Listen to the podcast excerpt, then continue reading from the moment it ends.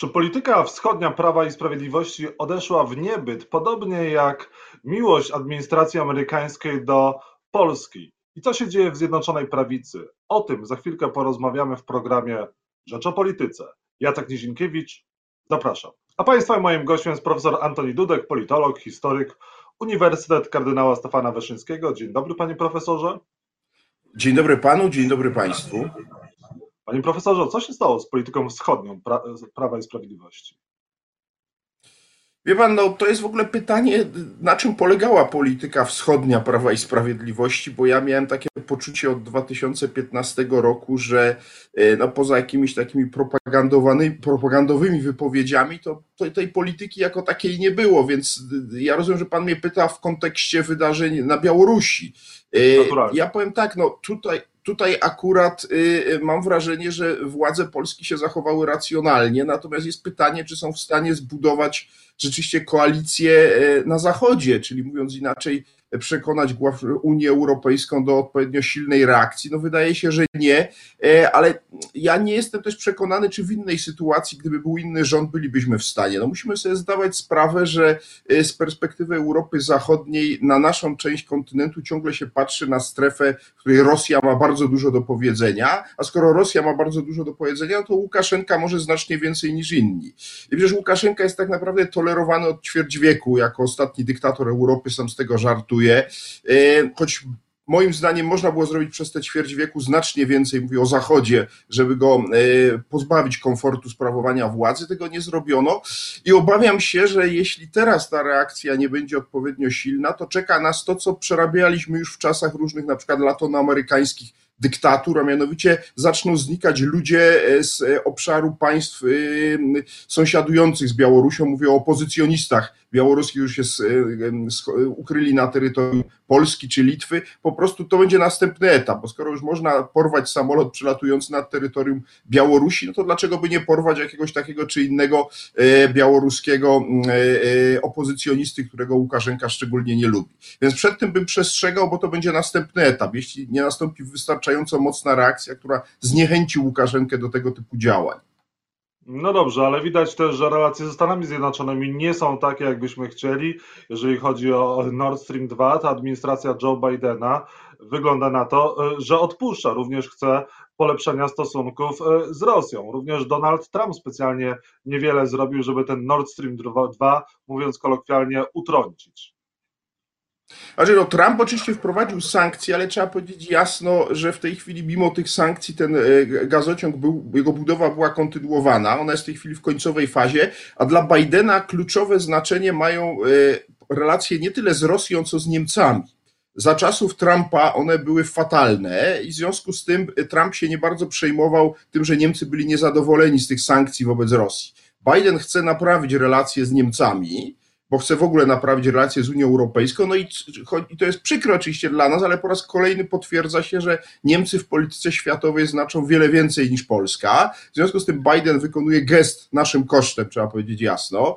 E, e, tyle jest tylko pytanie, e, czy można było temu zapobiec. Moim zdaniem nie. No my musimy zrozumieć, w jakiej lidze gramy. To PiS nas przekonywał, że jesteśmy tutaj strategicznym sojusznikiem Stanów Zjednoczonych, że liczymy się no, tak samo jak Wielka Brytania w relacjach z Waszyngtonem. No nie liczymy się tak bardzo bardzo i, i po prostu teraz widzimy, jak to wygląda, ale jak mówię, ja akurat tu bym nie oskarżał rządu PiSu, bo to jest kwestia zmiany po prostu polityki amerykańskiej i my musimy być na to przygotowani, e, że ta zmiana polityki amerykańskiej może pójść jeszcze dalej, choć nie sądzę, żeby poszła aż tak daleko, żeby e, Amerykanie pozwolili na odbudowę rosyjskiej strefy wpływów e, w Europie Środkowej, tak jak to było przed rokiem 89.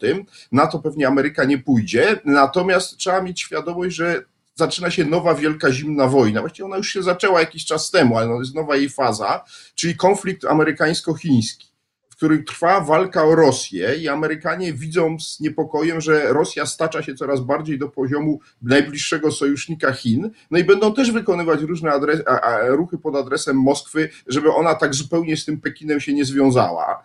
E, czy to będzie skuteczne, nie wiem, no ale będzie to między innymi naszym kosztem. Więc my powinniśmy zacząć patrzeć realistycznie, że polityka zagraniczna nie polega, jak nas PiS próbował przekonać, na tym, żeby mieć na całym świecie tylko dwóch sojuszników, Stany Zjednoczone i Węgry, bo to nie jest, bo to nie jest polityka, powiedziałbym, dalekowzroczna. Musimy po prostu szukać innych koalicjantów, innych, w innych sprawach szukać innych sojuszników, no i mieć nadzieję, że uda nam się powstrzymać różne negatywne konsekwencje. My już od dawna powinniśmy mieć plan B po tym, jak Nord Stream 2 powstanie bo od pewnego czasu moim zdaniem było jasne, że tak będzie. E, jest pytanie, czy nasi rządzący mają taki plan B, e, inny niż w przypadku prezesa Banasia, gdzie też miał być plan B, prawda, i wiemy, że go nie ma. E, no, na, na to, na dzień, w którym Nord Stream zacznie, Nord Stream 2 zacznie działać i to oczywiście zrodzi określone konsekwencje natury energetycznej. Ja mam wrażenie, że PiS myśli strasznie krótkoterminowo i tutaj, no, poza Trójmorzem, które jest oczywiście taką odpowiedzią na wszystkie problemy, a które, no, jak przychodzi co do czego, no to się kończy tak jak kopalni Turów, e, prawda, gdzie, gdzie, gdzie ta bliska sojusz z Czechami no, kończy się w CUE, to pokazuje, jak, jak papierową polityką zagraniczną mamy do czynienia. No jeżeli chodzi o relacje z Chinami, czy Polska ma jakiś strategiczny pomysł yy, i na, na to, żeby te relacje z Chinami ułożyć sobie? Jak pan to widzi? Nie wiem, czy ma, ale myśmy wielokrotnie Chińczykom odmawiali współpracy przy nowym jedwabnym szlaku i może to jest moment, w którym powinniśmy powiedzieć naszym przyjaciołom Amerykanom, jesteśmy dalej w sojuszu, dalej jesteśmy bardzo blisko, ale słuchajcie, skoro was Nord Stream 2 przestał interesować, to nas będzie interesować nowy jedwabny szlak coś za coś. No musicie zrozumieć, że może my nie jesteśmy tak dla was ważni jak Niemcy, ale też coś tam możemy. No i właśnie na przykład zaczniemy rozmowy z Chińczykami, one się nie muszą skończyć finałem e, w postaci jakiegoś e, ewidentnego zobowiązania, e, ale to będzie sygnał dla strony amerykańskiej. Zresztą akurat uważam, że nowy jedwabny szlak ma pewien sens. On szkodzi amerykańskim geopolitycznym interesom w rozumieniu dominacji w Europie, natomiast z ekonomicznego punktu widzenia myślę, że on dla Polski byłby korzystny. Z uwagi i wykorzystalibyśmy to nasze centralne położenie w Europie, byśmy bardzo poważnie od dawna powinni rozważać grę kartą chińską, co robi malutki Orban, e, e, malutkie Węgry, one się nie przejmują tym. Orban gra z Rosjanami, i gra z, e, z Chińczykami, ale zarazem Węgry są w NATO, ciągle są w Unii Europejskiej. Może powinniśmy się jednak trochę więcej uczyć od Orbana niż tylko tego, jak się walczy z sądownictwem czy, czy, czy z wolnością akademicką, bo tutaj PiS rzeczywiście uczy się od Orbana, ale może by się też zaczął od niego uczyć pewnej aktywniejszej, zręczniejszej polityki zagranicznej. No właśnie, Orban gra z Rosją, jeżeli chodzi o kwestie gazowe. Pytanie, co z Grupą Wyszehradzką, no bo Prawo i Sprawiedliwość przedstawiało e, ten twór jako bardzo silny w regionie, a widzimy, że Czechy wystąpiły przeciwko Polsce, jeżeli chodzi o Turów.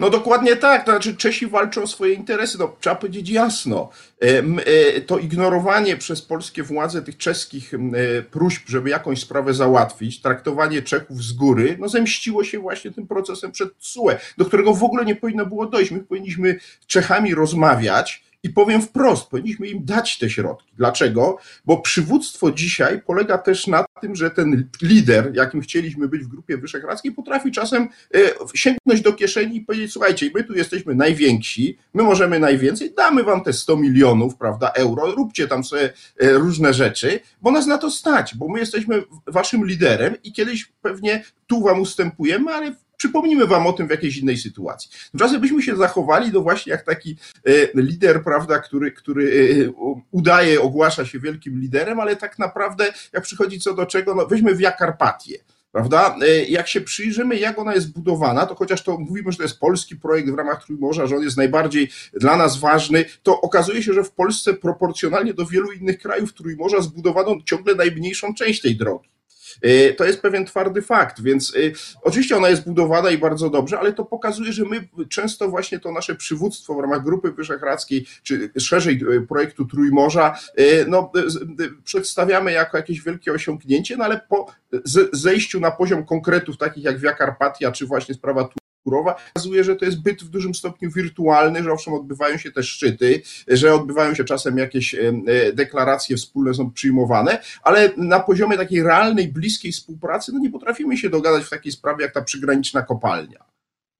Panie profesorze, czy Marian Banaś, którego pan wcześniej wspomniał, wysadzi w powietrze rząd, rząd Zjednoczonej Prawicy i czy Mateusz Morawiecki pre, jako premier będzie miał w przyszłości kłopoty przez wybory kopertowe, przez ich zlecenie, o czym przypominają wszyscy jego koledzy z rządu, że to Mateusz Morawiecki zarządził te wybory, a Jarosław Kaczyński dodaje jeszcze na moją prośbę. Tak, to więc w moim przekonaniu Marian Banaś nie wysadzi w powietrze rządu PiSu, ale na pewno będzie go osłabiał kolejnymi raportami, bo przecież po tym raporcie o wyborach kopertowych są już zapowiedziane kolejne, choćby raport dotyczący elektrowni w Ostrołęce, tego nieszczęsnego bloku węglowego, gdzie utopiono no, kwotę co najmniej 10 razy większą od e, tej, którą utopiono w wyborach kopertowych. Mamy sprawę audytów CBA, e, e, czyli zdefraudowania funduszu operacyjnego w tej służbie, która powinna być absolutnie e, poza wszelkimi podejrzeniami. Więc jest ileś takich spraw, które będą coraz bardziej wizerunkowo PiSowi szkodziły, natomiast to moim zdaniem nie wystarczy, żeby ten rząd upadł, e, bo po prostu w Polsce na tyle nisko upadły standardy i wymagania opinii publicznej wobec rządzących są na tyle niskim poziomie, że to nie, moim zdaniem, nie zdemoluje e, sondaży PiSu, a to byłby ten efekt przewracania rządu. Natomiast co do przyszłości premiera Morawieckiego, no to wszystko zależy od większości w następnym Sejmie. Osobiście nie wierzę, żeby w następnym parlamencie uformowała się większość zdolna do postawienia premiera Morawieckiego przed Trybunałem Stanu. Do tego, ale do tego czasu na pewno nic mu nie grozi. A czy wierzy Pan w to, że w końcu uda się wybrać nowego Rzecznika Praw Obywatelskich?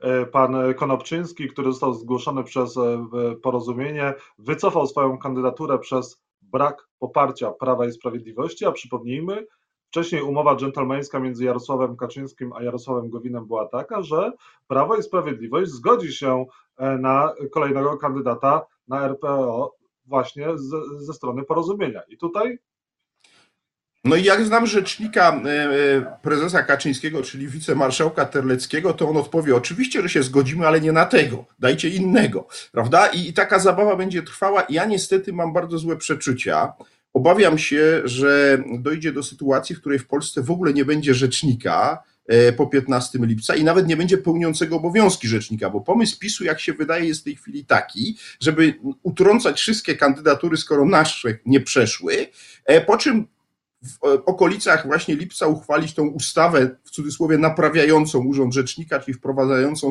stanowisko pełniącego obowiązki rzecznika, tyle tylko, że wtedy mogą gowinowcy nie chcieć za tym zagłosować z zemsty właśnie na utrącanie ich kolejnych kandydatów. E, no i w efekcie nie będzie w ogóle nawet pełniącego obowiązki rzecznika, po prostu ta instytucja w sensie formalnym tylko będzie funkcjonowała jako urząd, gdzie są ludzie zatrudnieni, ale rzecznika nie będzie i obawiam się, że taki może być finał tego, e, z czym mamy do czynienia, czyli mówiąc krótko, niezdolności klasy politycznej politycznej do kooperacji już nawet elementarnym poziomie, bo no przecież mieliśmy w przeszłości w Polsce liczne konflikty polityczne, ale tak źle e, jak to pokazała sprawa wyboru rzecznika praw obywatelskich jeszcze nie było. W końcu to jest pokaźny kraj, 30-paromilionowy i okazuje się, że nie można znaleźć człowieka, który by się, e, na którego by się zgodził Sejm i Senat. No, to jest sytuacja oczywiście paranoiczna i praźródło jej leży w przekonaniu PiSu, że rzecznikiem praw obywatelskich może być tylko polityk tej partii. Dlatego, że PiS miał naprawdę co najmniej dwie okazje, żeby znaleźć kogoś, kto jest sympatykiem PiSu, bo ja nie żądam od PiSu, żeby e, e, wysuwała na kandydata, na rzecznika osobę wrogą swojej partii, to otwarcie wrogą. Natomiast no, można było wysunąć kogoś innego niż panowie wiceminister Wawrzyk czy poseł Wróblewski, no bo to były postacie jednoznacznie identyfikowane z tą partią. No, szczytem wszystkiego był wiceminister Wawrzyk, który demonstracyjnie po tym, jak jego kandydatura upadła, e, ogłosił, że wstępuje do Prawa i Sprawiedliwości prawda, żeby po, po, podkreślić wdzięczność wiem, partii za to, że go wysunęła. No to surrealistyczna była sytuacja. Dobrze, panie profesorze, ale jak to świadczy y, ta, ten, to, to złamanie tej umowy dżentelmeńskiej o Jarosławie Kaczyńskim, o jego wiarygodności i o sytuacji w Zjednoczonej Prawicy?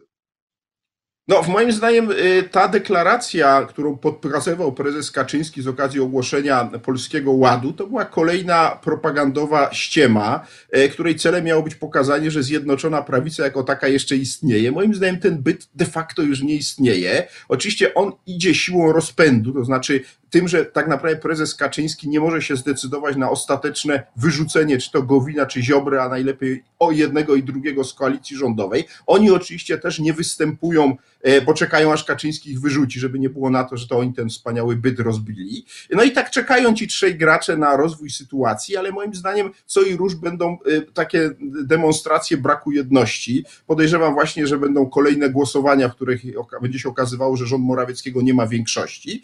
E, I tak koalicja transakcyjna, jak ja ją nazywam, będzie moim zdaniem czekała na sondaże jesienią, bo moim zdaniem ta aktywność prezesa Kaczyńskiego w mediach niesłychana w ostatnich tygodniach ma na, oczywiście wylansować Polski Ład, y, a w domyśle poprawić notowania PiSu. I moja hipoteza jest taka, że jeżeli notowania PiSu się podniosą, ale nie o powiedzmy 2 czy 3%, tylko powiedzmy o te 10, które PiS stracił e, e, za sprawą pandemii, czy do innych też wydarzeń, ale pandemia była taką cezurą, i wrócą na poziom 40 plus, E, jesienią, to wiosną przyszłego roku prezes Kaczyński się zdecyduje na przedterminowe wybory, oczywiście już bez gowinowców i ziobrystów na, na listach Zjednoczonej Prawicy. Natomiast jeżeli nie będzie tego skoku w górę w sondażach, trwałego, nie mówię o jednym sondażu czy dwóch, tylko wyraźnym trendzie jesienią, no to pewnie ta koalicja transakcyjna będzie wegetowała jeszcze przez przyszły cały rok e, z, z finałem, którego nie jestem w stanie sobie przewidzieć, ale myślę, że będzie brutalny, gwałtowny i spektakularny.